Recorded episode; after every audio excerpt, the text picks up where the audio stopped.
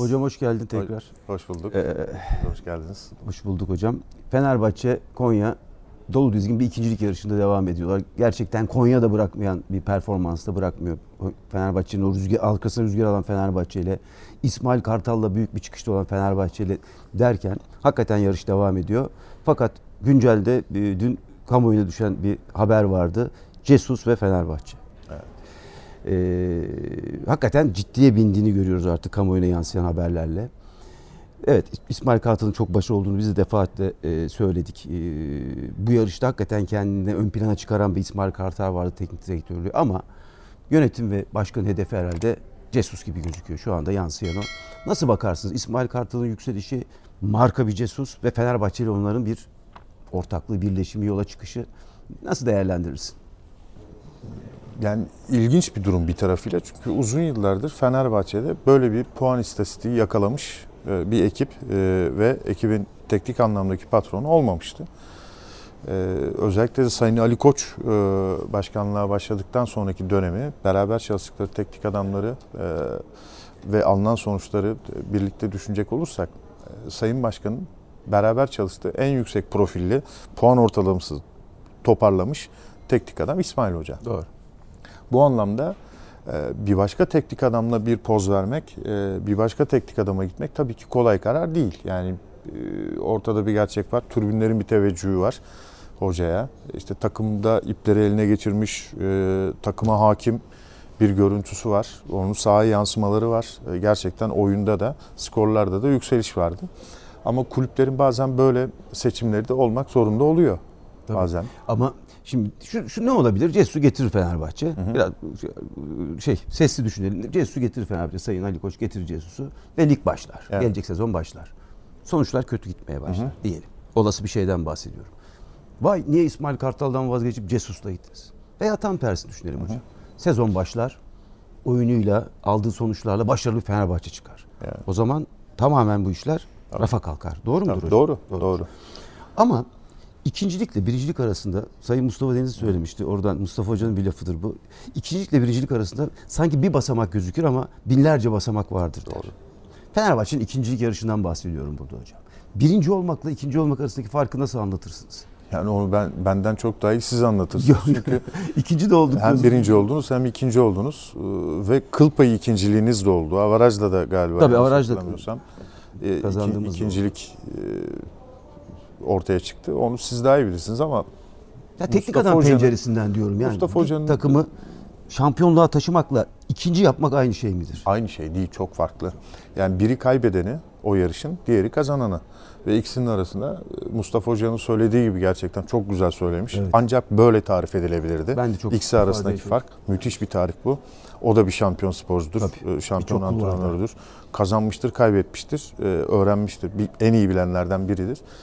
İkisinin arasında çok e, bir sıralama değil, binlerce sıralama var. Çok değişken, çok faktör var etki eden e, birinciliğe ve ikinciliğe. E, o bakımdan doğru katılıyorum. Yalnız şu da var, her koşulda şimdi İsmail Hoca ile devam edildiğini düşünelim. Evet. İşlerin çok iyi gitmesi durumunda zaten bir, bir sorun olmayacaktır. Ama gitmemesi durumunda da ya işte Sayın Başkan Cesus vardı, Löw vardı, ee, niye böyle yaptınız denir. Yani neticede ne karar verirseniz verin hep tartışmaya açık olacaktır. Hı hı. Çünkü futbol üzerinde en fazla konuşulan, en fazla tahmin yapılan, bakın bir tahmin işidir aynı zamanda futbol. Ee, tahmin piyasası olmasa futbol e, endüstriyel boyutuna bu kadar erken gelemezdi.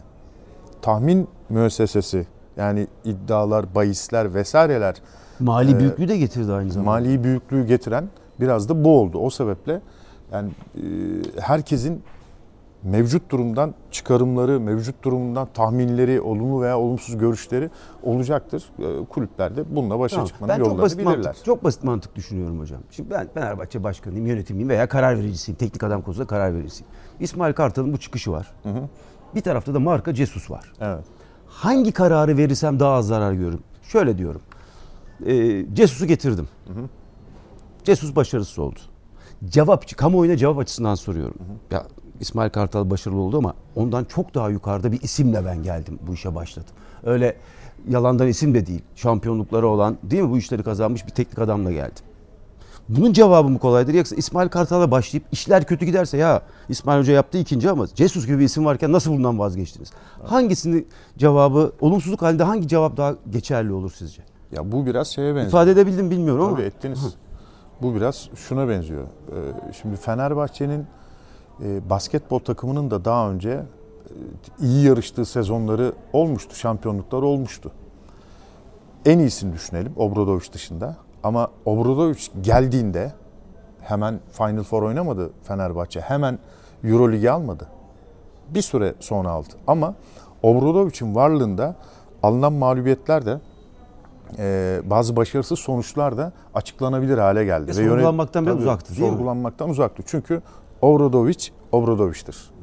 Böyledir. Ha bu arada Jorge Jesus Obradoviç değildir. Yani Hı, basketboldaki karşılığı e, Jorge Jesus'un kesinlikle Obradoviç değil onu söyleyeyim. Hı. Ama e, söylediğinizi e, anlamaya çalıştım. Anladığım bu. Evet. E, siz de bunu anlatmaya çalıştınız tabii, galiba. Tabii, tabii. Aynen yani eğer Avrupa'da veya kıtalar arası yarışmış başka bir kıtada Libertadores kazandı.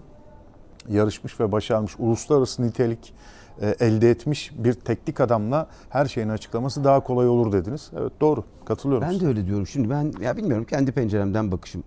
İsmail Hoca'yı çok başarılı buluyorum. Bakın, evet çok başarılı. Fakat İsmail Hoca'nın Türkiye'de bir e, background var. Yeni bir hoca değil İsmail Hoca. 60 yaşında. Evet bir geçmiş olan hoca İsmail Kartal. Çok başarılı. Deneyimi vardır bunda. Yaşanmışlıkları vardır. Onları ortaya koymuştur. Hepsini kabul ediyorum. Ama Jesus ismi ki bir 67 yaşında bir hocadan bahsediyor. Deneyim olarak o da daha önde de sayılabilir ki daha uluslararası seviyede deneyimleri vardır. Bir e, model olarak getirildiğinde Cesus'u getirebilirler. Bunun cevabı daha kolay olabilir gibi geliyor bana hocam. Doğru. Ortak mıyız burada? E, tabii ki. Yani, doğru. Değil mi? Bu, doğru. O açıdan çok kolay değil. Ee, Hatta Rıdvan Hoca'nın söylediyse söyleyelim. Sevgili Rıdvan Dilmen'in söylediğiyle söyleyeyim öyle demiş yani. Allah zihin açıklığı versin başkanı çok zor kolay çok zor iş demiş. Doğru. Çok zor iş demiş. Bakalım nasıl bir karar çıkacak Gerçekten Fenerbahçe yönetiminde. Gerçekten çok zor bir karar. Tabii incitici de olmadan e, incitici olmamak gerekiyor. Çünkü gerçekten İsmail Hoca maksimum efor, evet. maksimum fayda. E, fayda bir tarafıyla gerçekten her şeyini verdi. Veriyor yani. Evet. Mesai anlamında bilgisi, deneyimi, işte takımı birlikte tutabilmek için gösterdiği çaba Arda'yı sorduklarında 7-8 oyuncunun ismini birden söylüyor. Yani herkesi kucaklamaya çalışan, takımı bir arada bir bütün halinde tutmaya çalışan bir teknik adam profili var. Neticede e, o da yani bu, böyle bir karar verilecekse eğer e, e, kendini iyi hissetmesinin bir yolu bulunmalı. Bulunmalı. İyi hissettirmenin bir yolu bulunmalı. Kolay olmadığını biliyorum ama evet. bulunmalı, Karar aranmalı. ne olursa olsun evet. İsmail Kartal bu sezon gerçekten Fenerbahçe'nin başında çok başarılı olmuştur. Sadece Fenerbahçe için söylemiyorum. Bu sezonun en başarılı teknik adamlarını konuşacağız belki birkaç hafta Tabii. sonra. Onlardan biri kesinlikle onlar.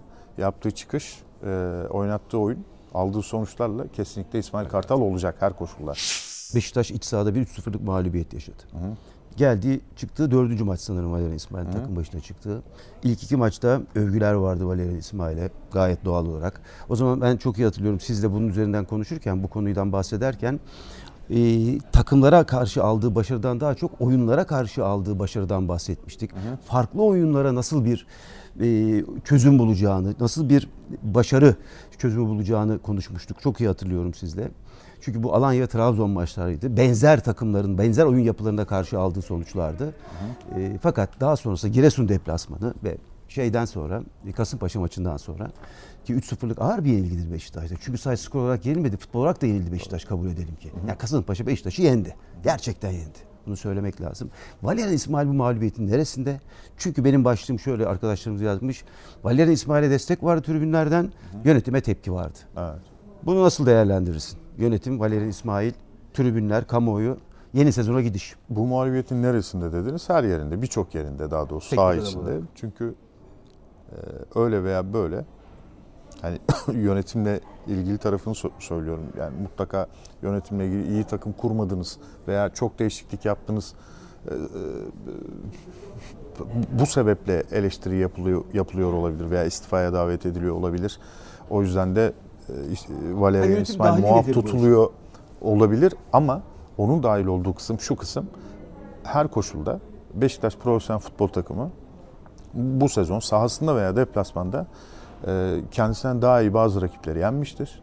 Sıralamada üstündeki bazı rakiplerini yenmiştir.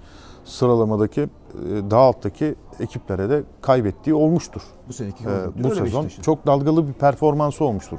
Bu Kasımpaşa maçı o dalgalardan bir tanesi midir? Aşağı doğru giden dalgalardan biri midir? Ee, dün birlikte, önceki günlerde birlikte bakmaya çalıştık. Ee, ne gördük? Orta sahada 3'e 2 oynandığını gördük. Yani 3 Kasımpaşalı oyuncunun karşısında 2 tane merkez için söylüyorum. 2 tane Beşiktaşlı oyuncu gördük. Oyun çözüm noktası o, bence O 45 dakikanın değerlendirilemediğini, daha sonra da müdahale edilmediğini gördük. Yani orta sahaya ki Atiba olabilir demiştim. O, olmadığını gördük. Haklıyız demiyoruz ama bu da bir çözüm olabilir diye bir çözüm yolu evet. göstermeye çalışmıştık. E, yaptığı strateji, yap, yaptığı oyuncu değişiklikleri hepsiyle birlikte değerlendirecek olursak e, burada şey vardır. Peki oyun muydu ee, kaybeden? Çok kısaca oldan sorayım. Oyun, oyun muydu kaybeden, kadro muydu? Hocam oyundu. Kasımpaşa her yer, her yerde kazandı. Yani oyunda kazandı, skor tabelasında kazandı, sahanın birçok bölümünü kazandı. Yani e, Kasımpaşa kendisine yakın, kendi kalesine yakın alanı da kazanarak oynadı. Rakip ortayı, ortayı da kazanarak oynadı. Kenarları kazandı. Birebirle eş, eşleşmeleri kazandı. İki kale önünü kazandı. E, peki niye yani birçok şeyi kazandı? Yönetime tepki. Yönetim bunun neresinde olabilir? Düşünüyorum. Yönetim neresinde olabilir? Oluşturduğu kadroyla olabilir. Hocam, Oyuncu seçimleriyle olabilir. Tepki şundan kaynaklanıyor. Şimdi sezona çifte kupalı Tabii. başlar Beşiktaş. Arada bir tane daha alır. Katar'daki e, Süper Kupa finaline kazanır. Üç kupalı bir ekip. O üç kupadan iki tanesini kazanan teknik direktör Sergen Yalçın ki e, tribünlerin çok sevdiği bir Beşiktaş figürü. Onunla yolların ayrılmış olması. Ha, Sergen Hoca istifa etmiş bile olsa bundan e, o noktaya gelinmiştir. Tabii o noktaya gelinmiş olmasından yönetim kurulunda sorumlu tut, tuttuğunu gösterir Anladım. bir tarafıyla. E, sonra Önder Karaveli ile geçen bir süre var. E, Önder Hoca da Kasımpaşa ile oynadı galiba değil mi? Ve kazandı deplasmanda. Öyle yanlış mı hatırlıyorum? Valla çok iyi hatırlıyorum. Kaç maça çıkmıştır Önder Hoca? Bir bakmak lazım. Tabii ciddi bir sayı var ama yani. Tabii bir bayağı, bayağı oldu yani. Oldu. Bayağı oldu. Devre olmadan önce gelmiş. Tabii devreden önce geldi. Ee, yani fazla değişiklik yapılması, fazla oynanmış olması ki Beşiktaş son yılları böyle geçirmedi. Samet Aybaba tek sezon. Slaven Bilic iki sezon full. Şenol Hoca dört sezon full. Sergen Yalçın işte e, bir aradan girmişti. Abdullah Hoca bir tek e, ayrıldı. Hı hı. Sergen Hoca aradan girmiş oldu. Ve şimdi aradan iki teknik adam girmiş oldu. Yani aslında son yıllarda bir istikrar vardı. Bir teknik direktör istikrarı yakalanmıştı. Belki taraftar buna alışmış olabilir. Bunu beklemiş Peki olabilir. o zaman ne olursa olsun devam edelim Peki, kararında olabilir. Şimdi ya, esas... Bu değişiklikler belki de e, yönetim kurulunu e, sıkıntıya sokmuş Konu yapmıştır olabilir. belki evet. tribünler. Mevzu Ama soru, soru şu şimdi hocam. E, 4 haftadır başında yeni bir teknik adam Valerian İsmail seçildi. Evet. Hatta sorgulandı şeyi de fakat Trabzon ve Alanya maçları ben de aynı film. Kenardaki duruşu hiçbir şey diyebilirsiniz. Bence çok önemli şeylerden Önemlidir. biridir. Kenardaki duruşuyla, figürüyle. Tabii en önemlisi oyunu, oyun hakimiyetiyle. Onu ayrı göreceğiz. Daha biraz daha süreç gerekebilir. Yeni bir teknik adam getirdi Beşiktaş. Dört maç var. Hı hı. Ligin bitti. Üç maç mı var? Dört maç var. Dört. Dört maç kaldı. Ve gelecek sezon. Hı hı. E, teknik direktör yeni. Evet. E, dört hafta kala yönetim istifası. Evet. E, nasıl bir karar verilecek? Yani ne yapacak yönetim? Müthiş bir kadro mu kurması bekleniyor? Bu mali yapılarla yeni spor yasasıyla geldikten sonra bu mali e, disiplinle bu çok iyi bir kadro yaratabilir mi? Çok eksiği var mıdır? Bu kararlar nasıl olacak? Valerian İsmail ya çok enteresan futbol hocam. Şimdi, diyelim ki adam hakikaten teknik adam olarak 4 maçta test edilir mi? Ama bir iç saha 3-0 Kasımpaşa mağlubiyeti, oyun ve skor mağlubiyeti bence sahada çok yüksek bir yerde tribünler. Bir anda sorgulamaya başladı. Hı hı. Gelecek sezon ne taşınır buradan? Valerian İsmail taşınır herhalde. Tabii ki taşınacak. Yeni sezon teknik adamı. Tabii, taşınacak. Elbette şu da var. Yani kalan dört maçta nasıl oyun çıkacak ortaya onu bilemiyoruz. Fenerbahçe derbisi ee, var. Bence çok kritik bir e, kritik. şeydir. Ölçüdür. Taraftarın ölçüdür. gözünde. Ölçüdür. Ee, o alınacak sonuçlar, oynanacak olan oyun e, büyük ihtimalle şeyi taşıyabilir. Yani yeni olması sebebiyle. Beklendiği gibi giderse bir tarafıyla. Ee, ama aksi de olabilir onu bilemiyoruz. Ya seçim de var Beşiktaş'ta.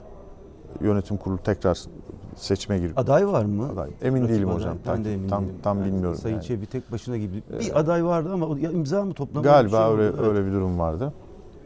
Nasıl olacak bilmiyoruz ama şunu kesin biliyoruz. Beşiktaş'ta önemli bir iskelet var.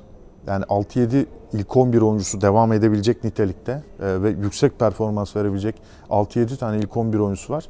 Ama en az 4 tane ilk 11 oyuncusuna da ihtiyacı var. Kolay mı? Kolay görünmüyor. Çok doğru seçimler gerekiyor. Tabii çok doğru seçimler gerekiyor. Çünkü finansal engeller var. Doğru. Bu engelleri aşarak e, bir kadro kurmak gerekiyor. Ama her koşulda yeni şöyle de sportif direktörü var. Tabii yeni bir sportif var. direktörü var. Şöyle de düşünmek gerekiyor. Yerli yabancı uygunluğu nasıl olacak? O belirsizlik de olmakla beraber e, Beşiktaş'ın e, yerli oyuncu uygunluğuna sahip şeyi deposu çok kuvvetli görünmüyor. Evet. Yani ilk 11 Sorun için çok kuvvetli görünmüyor. Yani. Arızalardan bir tanesi, engellerden bir tanesi bu olacak ayrıca. E, finansal engelleri de birlikte düşünecek olursak kolay değil kadro evet. kurması. Yalnız şu da var. Mesela biz orta sahayı konuştuk e, Kasımpaşa karşısında. Oraya bir de Getson eklenecek. Yani Josef'in yanına. Şimdi Josef'i siz Beşiktaş dışındaki 19 takıma teklif edin. Koşarak alırlar. Bir, bir ekip bile hayır demez buna.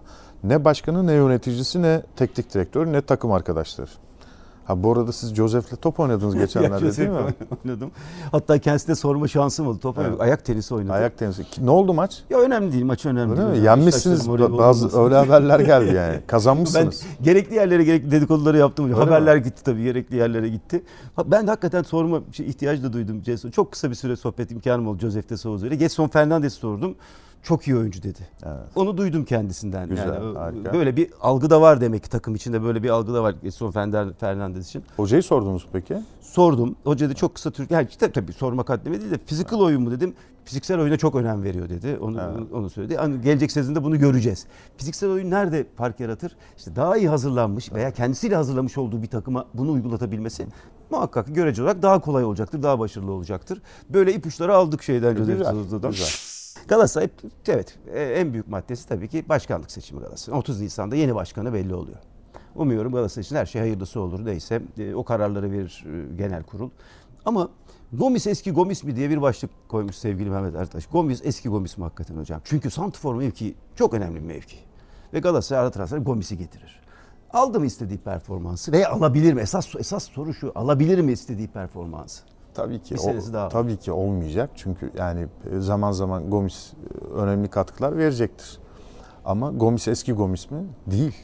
Yani 6 yaştan kim olabilir ki zaten? Kim olabilir ki? Kim eski e, eskisi gibi olabilir? Zaman sürekli futboldan bir şeyler çalıyor.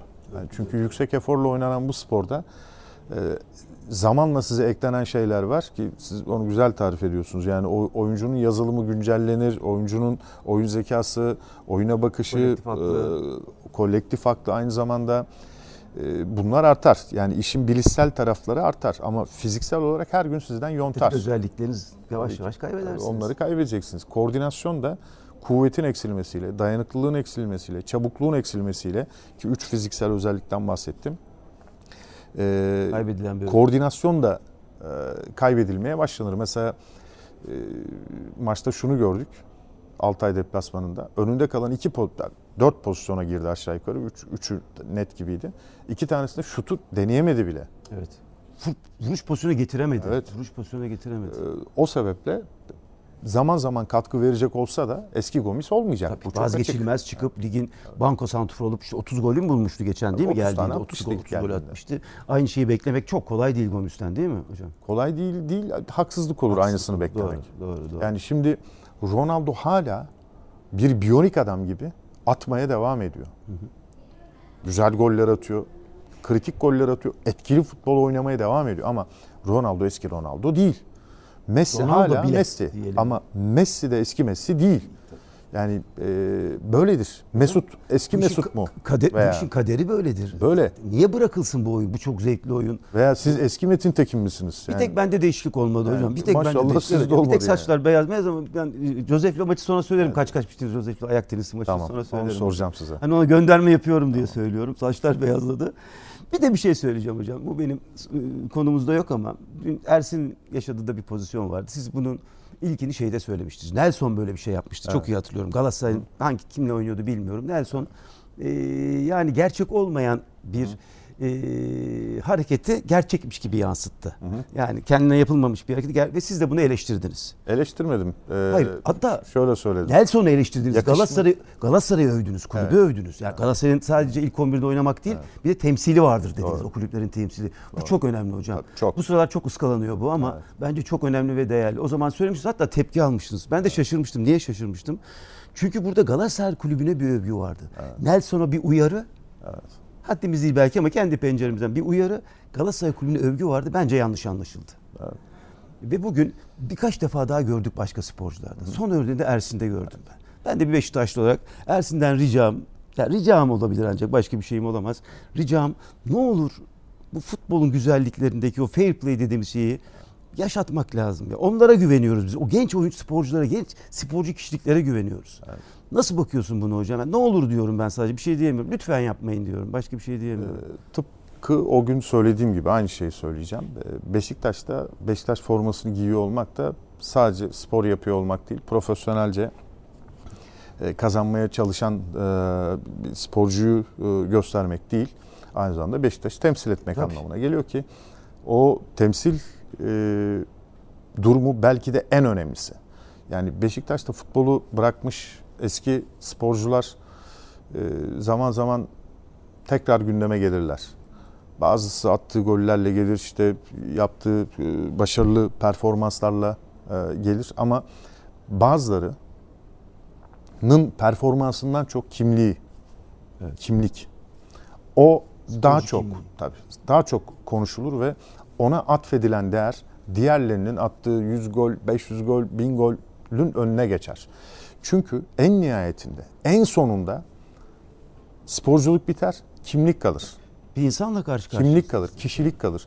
Sporcu kişiliğiniz, saha terbiyeniz, e, nasıl temsil ettiğiniz e, sizi daha değerli veya daha az değerli hale getirebilir.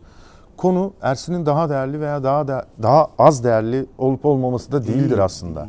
Çok yaptığı spor, yaptığı spor çok değerlidir. Yaptığı spor çok güzel bir spor dalıdır. Kolektif bir iştir. Rakibi vardır. Oyuna saygı, rakibe saygı da gerektirir. Ee, aynı zamanda e, bir de kulübü vardır. Kulübü de değerlidir. Tamam, Bizim hocam, için kulübü de değerlidir. Şey yani. Kendi üzerimde eleştirerek söyleyeyim. Yani biz de bunu bu yaştan ifade ediyoruz. Evet. Ersin 22-23 yaşında. Nasihat hakkında bir daha söylüyorum haddimiz değil. Benim kendi adıma nasihat ama nasihatın şöyle bir tarifi var. Kendi taze yiyemediğin ekmeği başkasına bayit olarak sunmaktır nasihat diye. Aa. Çok hoşuma Çünkü ben de çok attım kendimi. Şimdi diyorum ki Ersin'e yapma diyorum. Bu kolay değil. Biz de o işleri yaptık. ama ne olur futbol oyunundaki fair play, sportmenliği siz taşıyın. Siz yukarılara taşıyın. Hocam Ersin de yıllar sonra aynısını söyleyecek. Tabii. Yapmayın eminim, evladım eminim. diyecek. Bir yani. Beşiktaş kimliğiyle, güzel kardeşim diyecek kulüp yani, diyecek. Tabii. Umuyoruz bunu daha erken. Genç nesillere öğretirler. O yüzden onların bu, o misyonu da hiç unutmasınlar hocam. Doğru. Onlar hepsi birer idol. Tabii ki. Hepsi binlerce seyredeni var çocuk. Onu hiç unutmasınlar. Sadece kurtardığı topa bakmıyor yaptığı harekete, o insani, o kişiliğe de bakıyorlar. Ne olur o misyonlarını bence unutmasınlar. Dün görüntüler izledim. Trabzon şampiyon olmuş hocam. Adana Demirspor şehri gördünüz mü siz? Gördüm tabii. tabii. Ya, tam bir futbol ve şampiyonluk şehri olmuş Trabzonspor. Hatta bugün sabah gelmeden haberleri izliyordum NTV'de. Biletler işte 10 dakikada bitmiş. Evet. Şey de hoşuma bitmiş. gitti hocam. E, halkın profili de çok hoşuma gitti. Bayanlar, kadınlar evet. o kadar güzel bir kalabalık o biletleri ve full olacak tabii ki stat. Evet. Ve bir şampiyonluk kutlaması sloganıyla başlayacak haftaya. Nedir bu Antalya maçı hakkında görüşünüz? Trabzon. Tabii bitince geniş bizim bir Trabzon seyahatimiz olacak. Abdullah Hoca ile e, kabul etti sağ olsun. Onunla bir şampiyon şehire Trabzon'u, şampiyonluğu nasıl olduğunu bir konuşacağız. Çok güzel bir birlikteliğimiz olacak Abdullah Hoca ile ama bu şampiyonluğa bakışınız kısaca nasıl hocam Antalya maçı da özelinde Katar? Antalya maçı özelinde şöyle Trabzonspor ilk defa tek maçla Kaldı oraya değil mi? Tek maça kaldı. Yani e, belki hiç gerek bile kalmayabilir. Bir, Cuma şey, maçı. bir şey kazanması gerekmeyebilir ama netice itibariyle daha önceki haftalarda işte en son e, önceki hafta Abdullah Hoca 4 puan gerekiyor demişti. 4 4 puan 2 maç iki demektir. Maç. Yani kazansanız da kutlama yapılabilecek bir gün değildi o günler.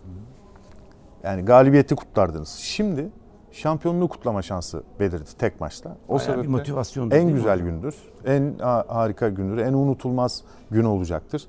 Ne olursa olsun o gün unutulmayacaktır. Çünkü olumsuz bir durumda İşte şampiyonluğu kutlamaya gitmiştik. O gün olmadı. Hatırlıyor musun? Şöyle de olmuştu, böyle olmuştu. O gün unutulmayacak. O gün sabah yaptıkları kahvaltıyı da unutmayacaklar. E, Stada gidişlerini de unutmayacaklar. Orada yaşadıklarını da O unutmayacaklar. kadar haklısın ki hocam. Hele ki eğer Ben e, genelde gece uyuyamazdım. Evet. e tabii istenen e, şampiyonluk olursa, e, gelirse o ömür boyu hatırlanacak gün olacak.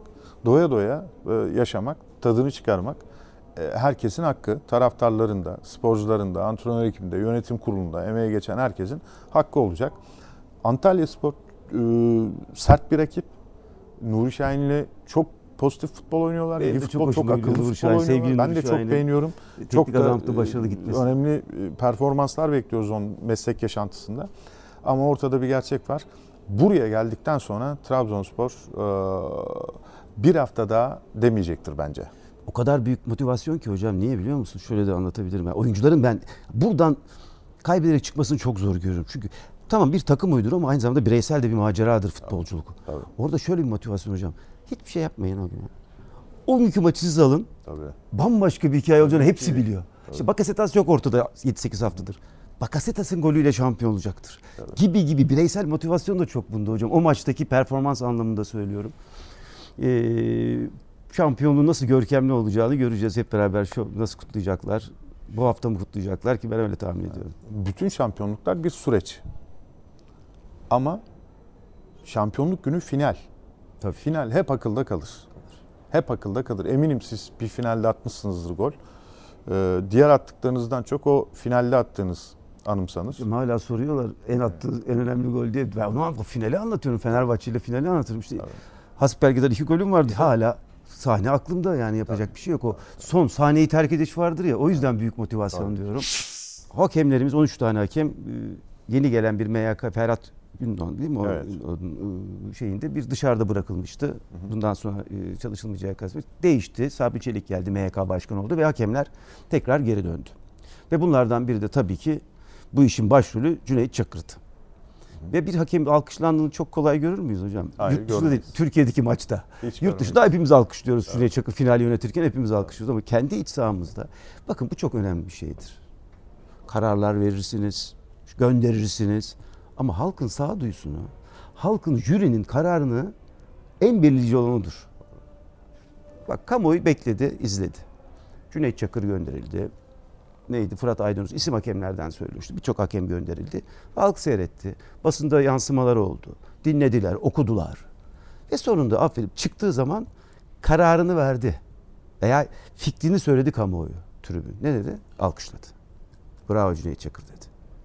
O, o, o baktı, o izledi, hepsini gözledi kamuoyu. Doğru.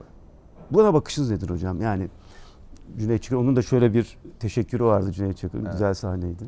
Ee, Antalya'da futbol severler Sezar'ın hakkını Sezar'a vermişlerdir. Tam o değil. Tam, tam Öyledir. Birkaç ay sonra e, Kasım sonunda Dünya Kupası finalleri başlayacak. Dünya Kupası finallerinde binlerce profesyonel sahneye çıkacak. Bir kısmı futbolcu olarak, bir kısmı antrenör olarak, teknik adam olarak, e, sağlık ekipleri falan onları destek departmanları Tabii. şeyleri saymayacağım. Ekip. Bir de hakemler olarak binlerce profesyonel, futbol profesyonel fu- futbol profesyoneli sahaya çıkacak. Aralarında belki tek Türk o olacak. Bunun adı da Cüneyt Çakır. Onun adı da Cüneyt Çakır olacak. Yani hiçbir Türk antrenörü, hiçbir Türk doktoru, hiçbir Türk fizyoterapisti, hiçbir Türk futbolcusu, e, hiçbir Türk analizcisi, yardımcı antrenörü olmayacak. Ama bir tane Türk orada olacak. Bir Türkiye ismi, bir Evet. Türkiye ismi anılacak değil mi hocam? Bir tek kişi bunu Bir- başaracak. O sebeple de Antalya'da futbol severler o tek Türk'ün hakkını vermişlerdir orada. Alkışlamışlardır. Sezar'ın hakkı Ellerine Sezar'a sağlık. gitmiştir değil mi Gitmiştir o cümlenin tabii. tanımlamasıyla? Doğru. Ben de dışarıdan izlediğim kadarıyla e, hiç doğru bulmadığım bir karardı. Evet. Cüneyt Çakır gerçekten e, dediğiniz gibi bir ülke temsilinde sporun ben futbolun içinde söylüyorum en yukarı seviyede yer almış önemli bir Kesinlikle. Türk hakemidir. Bunu lütfen unutmayalım. Doğru. Deyip bu haftayı da burada noktalayalım. Haftaya tekrar görüşmek üzere hocam.